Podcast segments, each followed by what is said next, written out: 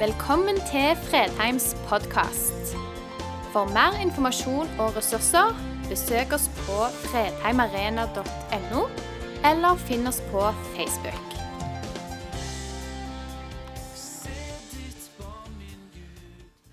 Vi er altså inne i en temaserie hvordan den kristne tro uttales. Og Flere søndager har fokuset vært på gavesiden. At troen er først og fremst en gave, ingen prestasjon.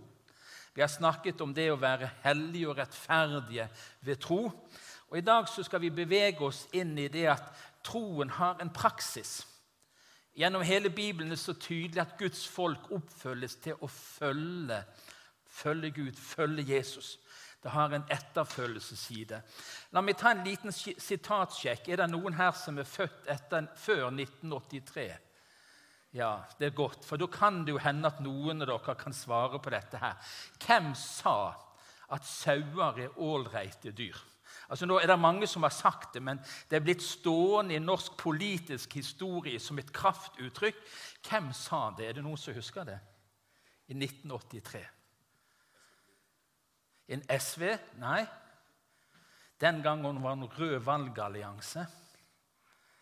Det var altså Liv Finstad som ble intervjua av to av Norges mest kjente revolverjournalister. Hun var en bydame, og hun skulle snakke om landbrukspolitikk direkte på NRK. Og De tenkte at de skulle kjøre henne skikkelig til veggs. Og de, eh, Et av spørsmålene var jo altså, hva hun mente og tenkte om sauer. Så sa hun sauer er ålreite dyr. sa hun. Da hadde hun liksom kommet godt i gang. Og Så prøvde de å sette henne skikkelig fast og sa de, men du er jo klar over det at i Norge så må vi hive mellom 15 000 eller 1500 og 2000 tonn sauekjøtt hvert eneste år. Da tenkte de nå har vi deg. Så sa hun ja, sånn er det når kapitalismen får råde. sa hun. Så hun tok egentlig innersvingen på det. og Dette er blitt stående som en sånn klassisk sitat. Og hvorfor i alle dager snakker vi om sauer i dag? Jo, fordi ifølge Bibelen er vi alle sauer. Enten vi liker det eller ikke, så omtaler Bibelen oss som sauer. Og Vi skal lese en av de mest kjente tekstene om dette fra Johannes kapittel 10.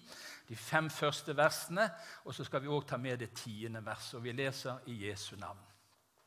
Sannelig, sannelig, jeg sier dere. Den som ikke går inn til saueflokken gjennom porten, men klatrer over et annet sted, han er en tyv og en røver. Men den som kommer inn gjennom porten, er gjeter for sauene. Portvokteren åpner for ham, og sauene hører stemmen hans. Han kaller sine egne sauer ved navn og fører dem ut.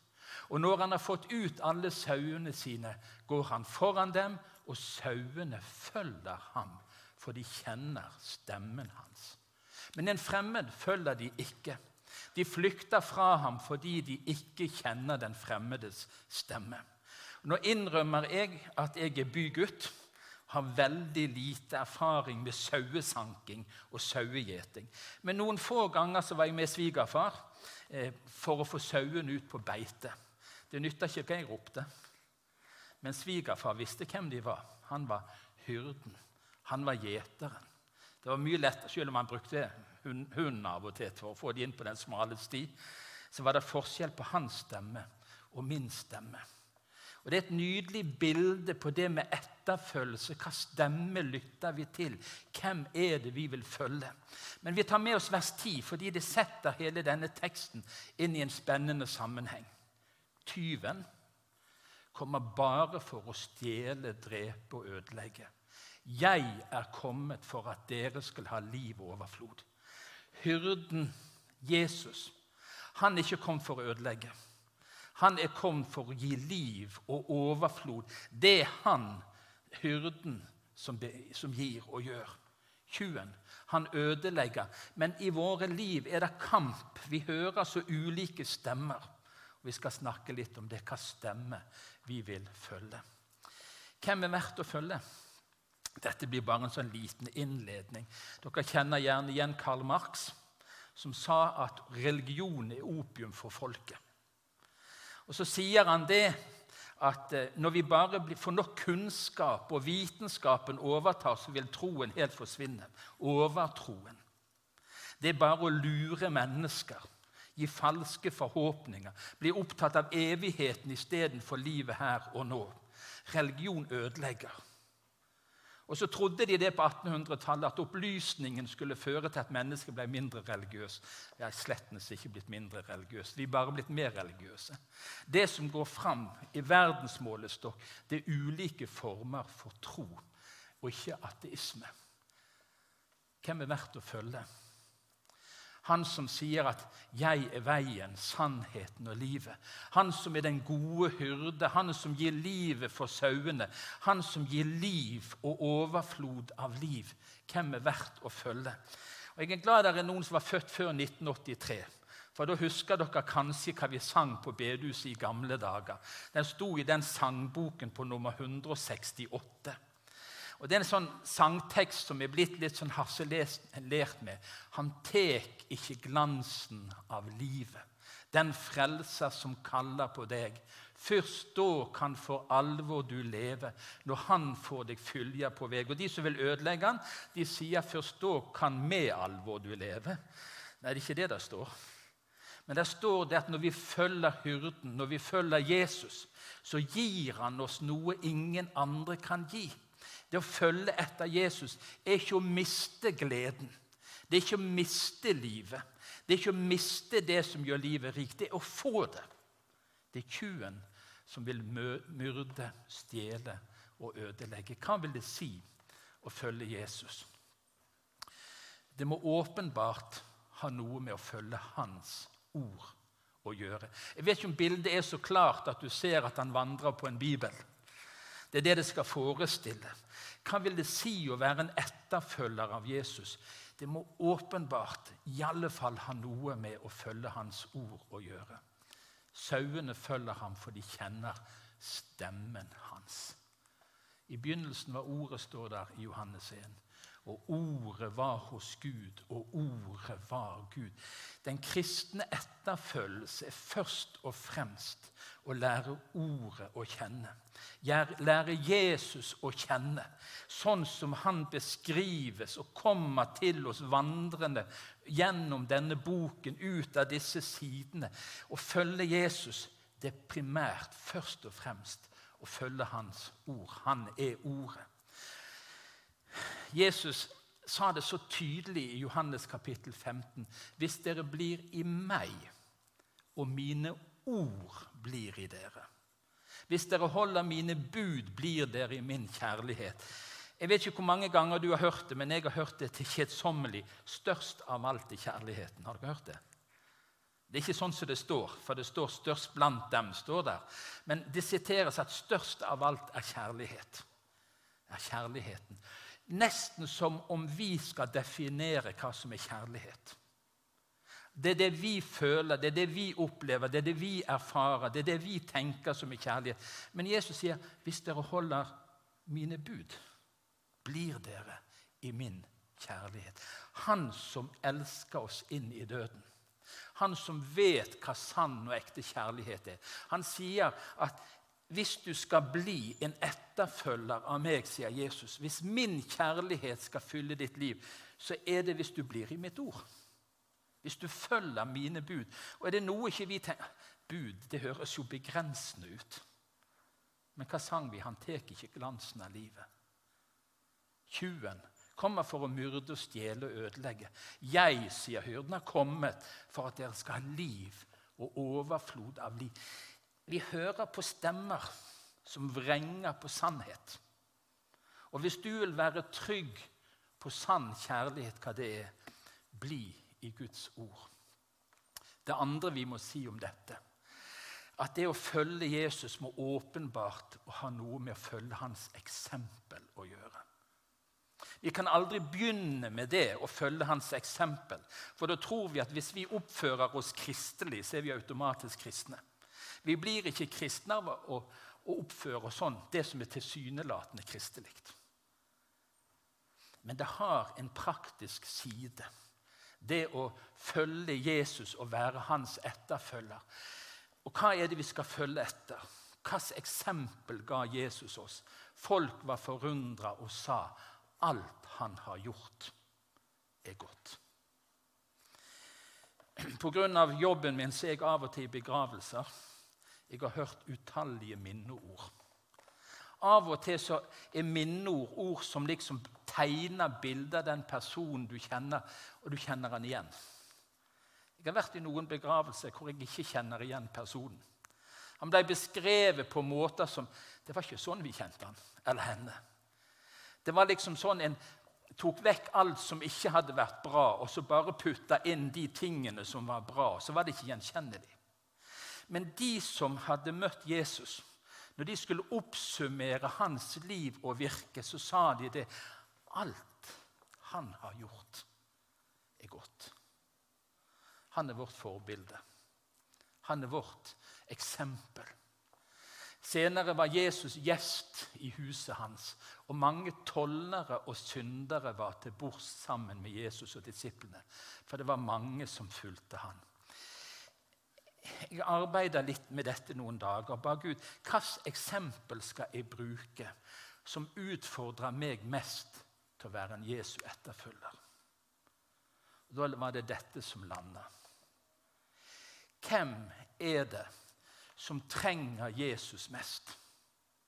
Hvem var det som flokka seg rundt Jesus? Han som var sannheten. Han som var radikal, vågte å utfordre den. Hva i alle dager gjorde at toller og syndere ville være sammen med Jesus? De som ikke hadde fått det til. De som hadde brutt alle Guds bud og forordninger, noen av de helt synlige, og de var tatt på fersken. Hva var det som gjorde at de likevel flokka seg rundt Jesus?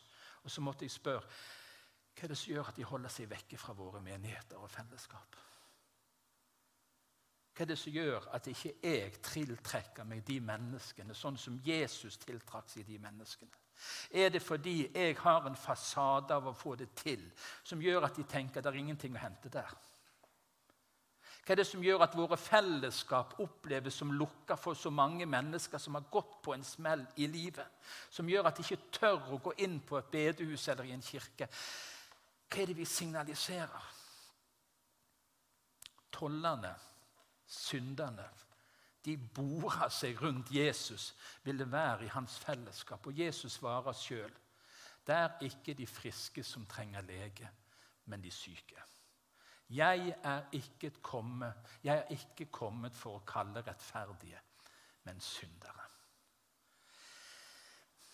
Og om jeg kunne være litt mer lik Jesus Følge han så tett at folk kunne gjenkjenne i mitt liv Jeg kan våge meg inn i den personens nærhet. For der er det noe som tar imot. Som ikke møter meg med en pekefinger og forteller meg alt hva galt jeg har gjort, men en som tar imot, og som inkluderer. Det er synderne som trenger Jesus. Det er de syke som trenger lege. Og Jesus kom for å frelse syndere. Så kan vi si ja, men vi er jo også syndere. Ja, men vi ser veldig godt ut til å være syndere. Vi oppfører oss jo fint. Hva er det som gjør at så mange mennesker som opplever at livet har gått de imot. De har gått på en smell, og de vet det så godt sjøl at de fikk det ikke til. Hvorfor stormer ikke de inn i kirken eller på bedehuset? Hvorfor flokker de seg ikke rundt oss som kaller oss Jesu etterfølgere? Hva har skjedd med oss som gjør at ikke vi som Jesus er tiltrekkende på de menneskene? Jeg kjenner at det utfordrer meg mer enn mange av de andre eksemplene vi kunne tatt på hva det vil si å følge Jesus. I Sandnes bor der er vi 80 000 snart, og 4,6% går til gudstjeneste. Og så er det nok mange som ikke går til gudstjeneste regelmessig, som likevel vil si de kjenner Jesus. Men vi har ganske mange folk rundt oss som trenger Jesus og som ikke oppsøker våre fellesskap. Av en eller annen grunn så vil ikke de sette seg til bords sammen med oss. Kan det være det at vi er kommet litt på avstand fra han? Han har ikke fått lov å prege oss sånn som han har lyst til. Sånn at mennesker som virkelig trenger Jesus, ser der er en som har vært sammen med Jesus. Hun har vært sammen med Jesus. Han har vært sammen med Jesus. Om de første kristne så står det i Apostels gjerninger kapittel 2 de sang og lovpriste Gud og var godt likt av hele folk. Jeg tenkte jeg skulle ta med det verset for dere lovsanger, som av og til sliter med å få oss med. Sant? Hva var det som gjorde at folk likte de sang og lovpriste Gud? Det var ikke bare derfor. Og hver dag la Herren til nye som lot seg frelse. Det Kirkehistorisk forskning forteller oss at det som var tiltrekkende på, den, på, mennesker i den første kristne tid, det var et fellesskap som var helt annerledes enn alle andre fellesskap. Det var ikke rangordninger som det ellers var i samfunnet. Det var ikke sånn at hvis du var slave, så var ikke du likeverdig. Det var ikke sånn at kjønn betydde noe, eller livssituasjon. Alle mennesker ble trukket til dette fellesskapet fordi det var mye Jesus der. Det var så mye av hans, det, av hans eksempel som ble levd ut. Og De som har forska på urkirken, sier at om de ytre grunnene til den enorme veksten som den første kristne menighet hadde, var at det var et fellesskap hvor mennesker de gjenkjente Jesus i det fellesskapet. De levde i praksis i en etterfølgelse. Alt han har gjort, er godt, sa de om Jesus. Og de var godt likt av hele folket. Og la meg si i parentes, De var godt likt ikke fordi de bare sa nei, vi må ta vekk det som ikke passer og folk ikke liker. For de var radikale etterfølgere av Jesus. De tok på alvor Guds ord. Det var ikke det de eh, kompromissa med, men de ligna på Jesus. Bare et lite vers om en av mine favorittpersoner i Det nye testamentet. I Jaffa bodde en kvinnelig disippel som het Tabita, på gresk Dorkas.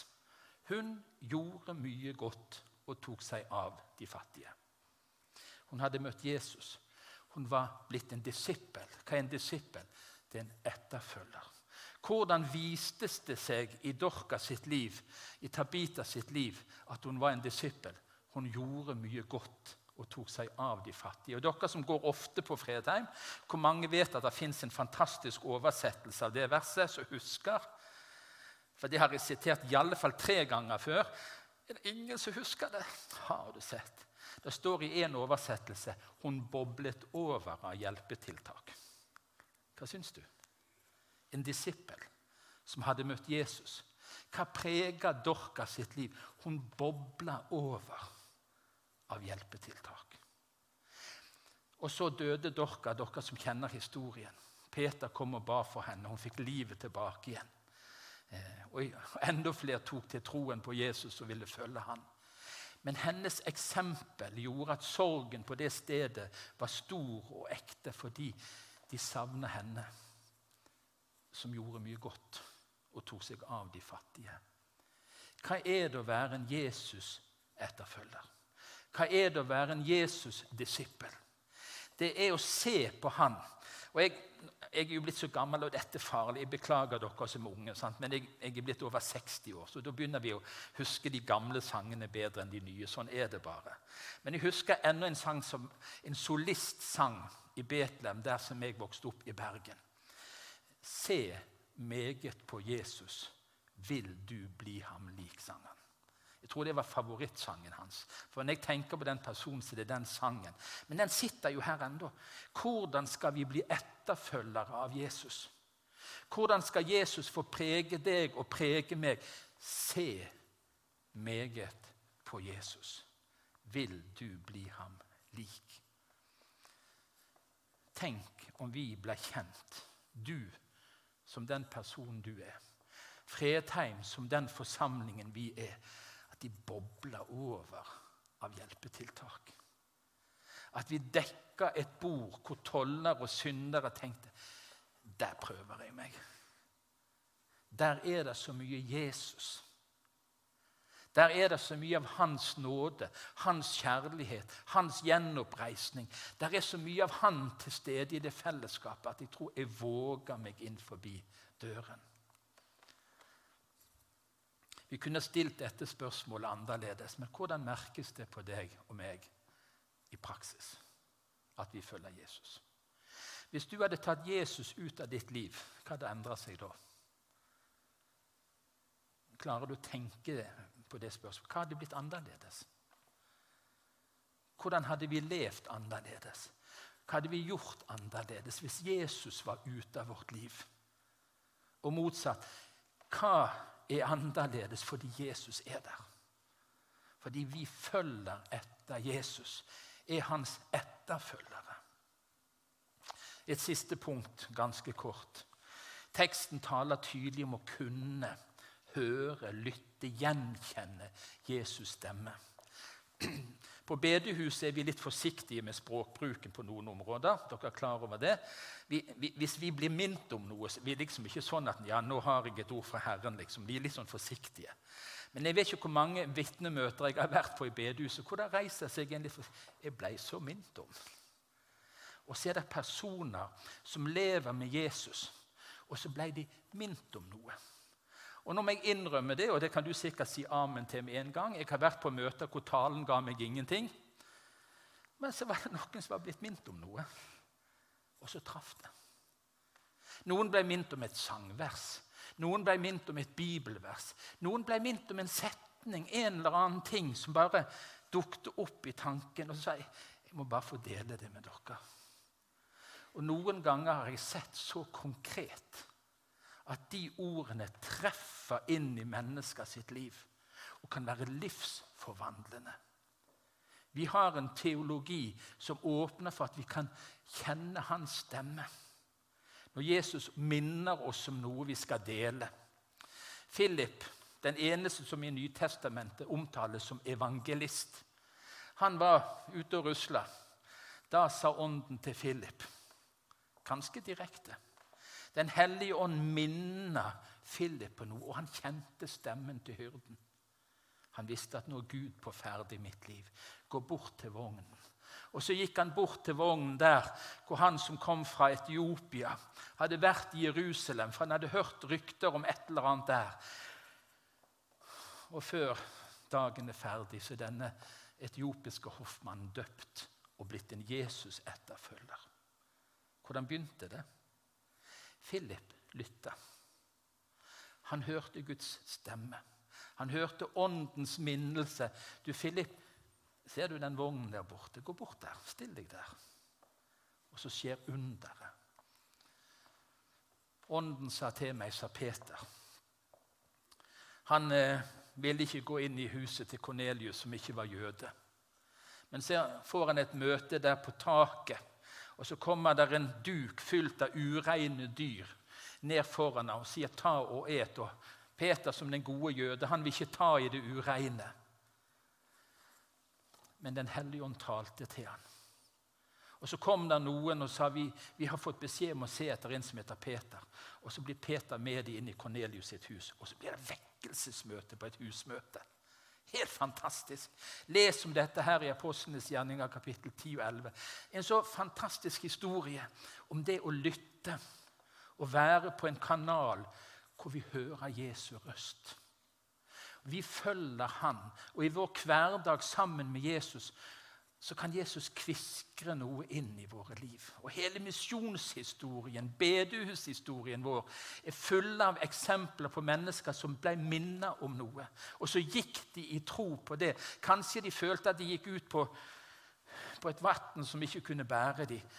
Men fordi det var Jesus' stemme de hadde lært å følge, så skapte det forandring i deres liv. Paulus sier det på denne måten, eller det skrev han i apostlenes gjerninger. Da de kom nesten til Mysia, prøvde de å dra videre til Betynia. Men Jesu ånd ga dem ikke lov. ikke det flott? Å følge Jesus, lytte til hans stemme, lære hyrderøsten å kjenne, som gjør at du av og til blir Ikke gå der, det er feil sted. Det er ikke der du skal gå. Jeg har noe bedre for deg. Jeg lærte jeg, jeg, jeg, gikk på søndagsskolen til jeg fikk sånn opprykk, tror jeg. Sånn. Overtok som søndagsskolelærer nesten til slutt. Og Mange av disse søndagsskolesangene var veldig sånne praktiske sanger. Når fristeren kommer og banker på mitt hjerte, så spør han om han får komme inn. Da svarer jeg nei, det kan du ikke, for Jesus har alt kommet inn. Kunne ikke dere sunge med dere som har gått på søndagsskolen på 50-60-tallet? Altså, Tenk deg, det kommer en stemme. Sant? Stemmen, tjuven, kommer for å ødelegge. Men du sier at den stemmen vil jeg ikke høre på. Jeg vil høre på hyrdestemmen. Jeg har lært Jesus å kjenne. Så når fristeren kommer, når tjuven kommer, jeg vil ikke følge han. Jeg har lært hyrderøsten å kjenne. For å være sikker på at det er hyrderøsten, så er det lurt å kjenne hyrdens stemme. Kjenne ordet og vite at det du blir minnet om, er i overensstemmelse med Guds ord og Guds vilje. Guds ånd leder oss aldri ut i villfarelse bort ifra ordet. Men du, hvor spennende det er å være en kristen. Å leve i etterfølgelse av Jesus. Følge hans ord, følge hans eksempel. Og rett og slett være en sånn sau som har lært å lytte til en stemme. Guds gode hyrderøst som kan veilede og hjelpe oss. Ordet er Guds fullkomne tale. Det tar aldri feil. Minnelsene, åndens stille påminnelser og veivisere kan berike livet vårt. Kan hjelpe oss i konkrete situasjoner. Der er døren, der er veien. Gå på den. Her stenger vi. Gå bort til vognen der borte. Der er et menneske. Ikke vet du hva du skal si, ikke vet du hva skal du gjøre, men du skal gå bort til vognen. Hyrderøsten minner oss. Det å følge Jesus, folkens, det er spennende. Og Jeg ønsker for min egen del og for din del at kristenlivet ditt skal få være et rikt liv. Hva kommer han for å gi? Tjuven kom for å stjele, myrde og ødelegge. Jesus kom for å gi liv og overflod av liv. Og venner, han tar ikke glansen av livet den frelser som kaller på det. Jesus gjør ikke det livet ditt vanskeligere. Det kan være tøft å være en kristen, det vet vi. Vi vet at vi må følge han inn i forfølgelse. Det står, sier Bibelen tydelig. Det er å følge Jesus. Men Jesus gir noe som ingen andre kan gi. Han har en stemme som ingen andre stemmer. Lytt til hans stemme. Følg ordet. Følg de minnelsene han taler inn i ditt liv og følg hans eksempel. Tenk, Vi ba om det når vi samla før gudstjenesten. Om Fredheim ble fullt av mennesker som livet var gått i stykker for. Men de vågte seg inn i et fellesskap hvor de gjenkjente Jesus. Han som tilgir, han som gjenoppretter. Tenk om det var så mye Jesus her i våre liv. At folk kom vi må være der, for der er Jesus. Skal vi be om det? Jesus, takk for at du er her nå. Og vi som er her, vi bekjenner det at vi trenger deg, Jesus. Det er så mye i mitt liv, Gud, som skulle vært annerledes. Hvor jeg skulle ligne mer på deg. Herre, takk for at ditt ord stadig minner meg på. Taler inn i mitt liv og jeg må erkjenne og bekjenne i møte med deg. Men Herre, takk òg for åndens stille hvisken, som av og til formidler din stemme. Gir meg minnelser, ord og tanker som ikke kommer fra meg, men som kommer fra deg. Takk for at det er godt å følge deg, Jesus. Takk for at det er liv i å følge deg. Takk for at det er overflod av liv å følge deg. Og Herre, vi ber at du gjennom ditt ord og ved din ånd fortsetter å tale til ditt folk. Og Herre, kunne du likedanne oss mer med deg. Sånn at når folk møter oss, så får de en liten smak av hvem du er, Jesus. Det ber vi om for ditt navns skyld. Amen. Takk for at du valgte å høre på. Nye opptak legges ut hver uke. Vi har gudstjenester hver helg, og du er hjertelig velkommen.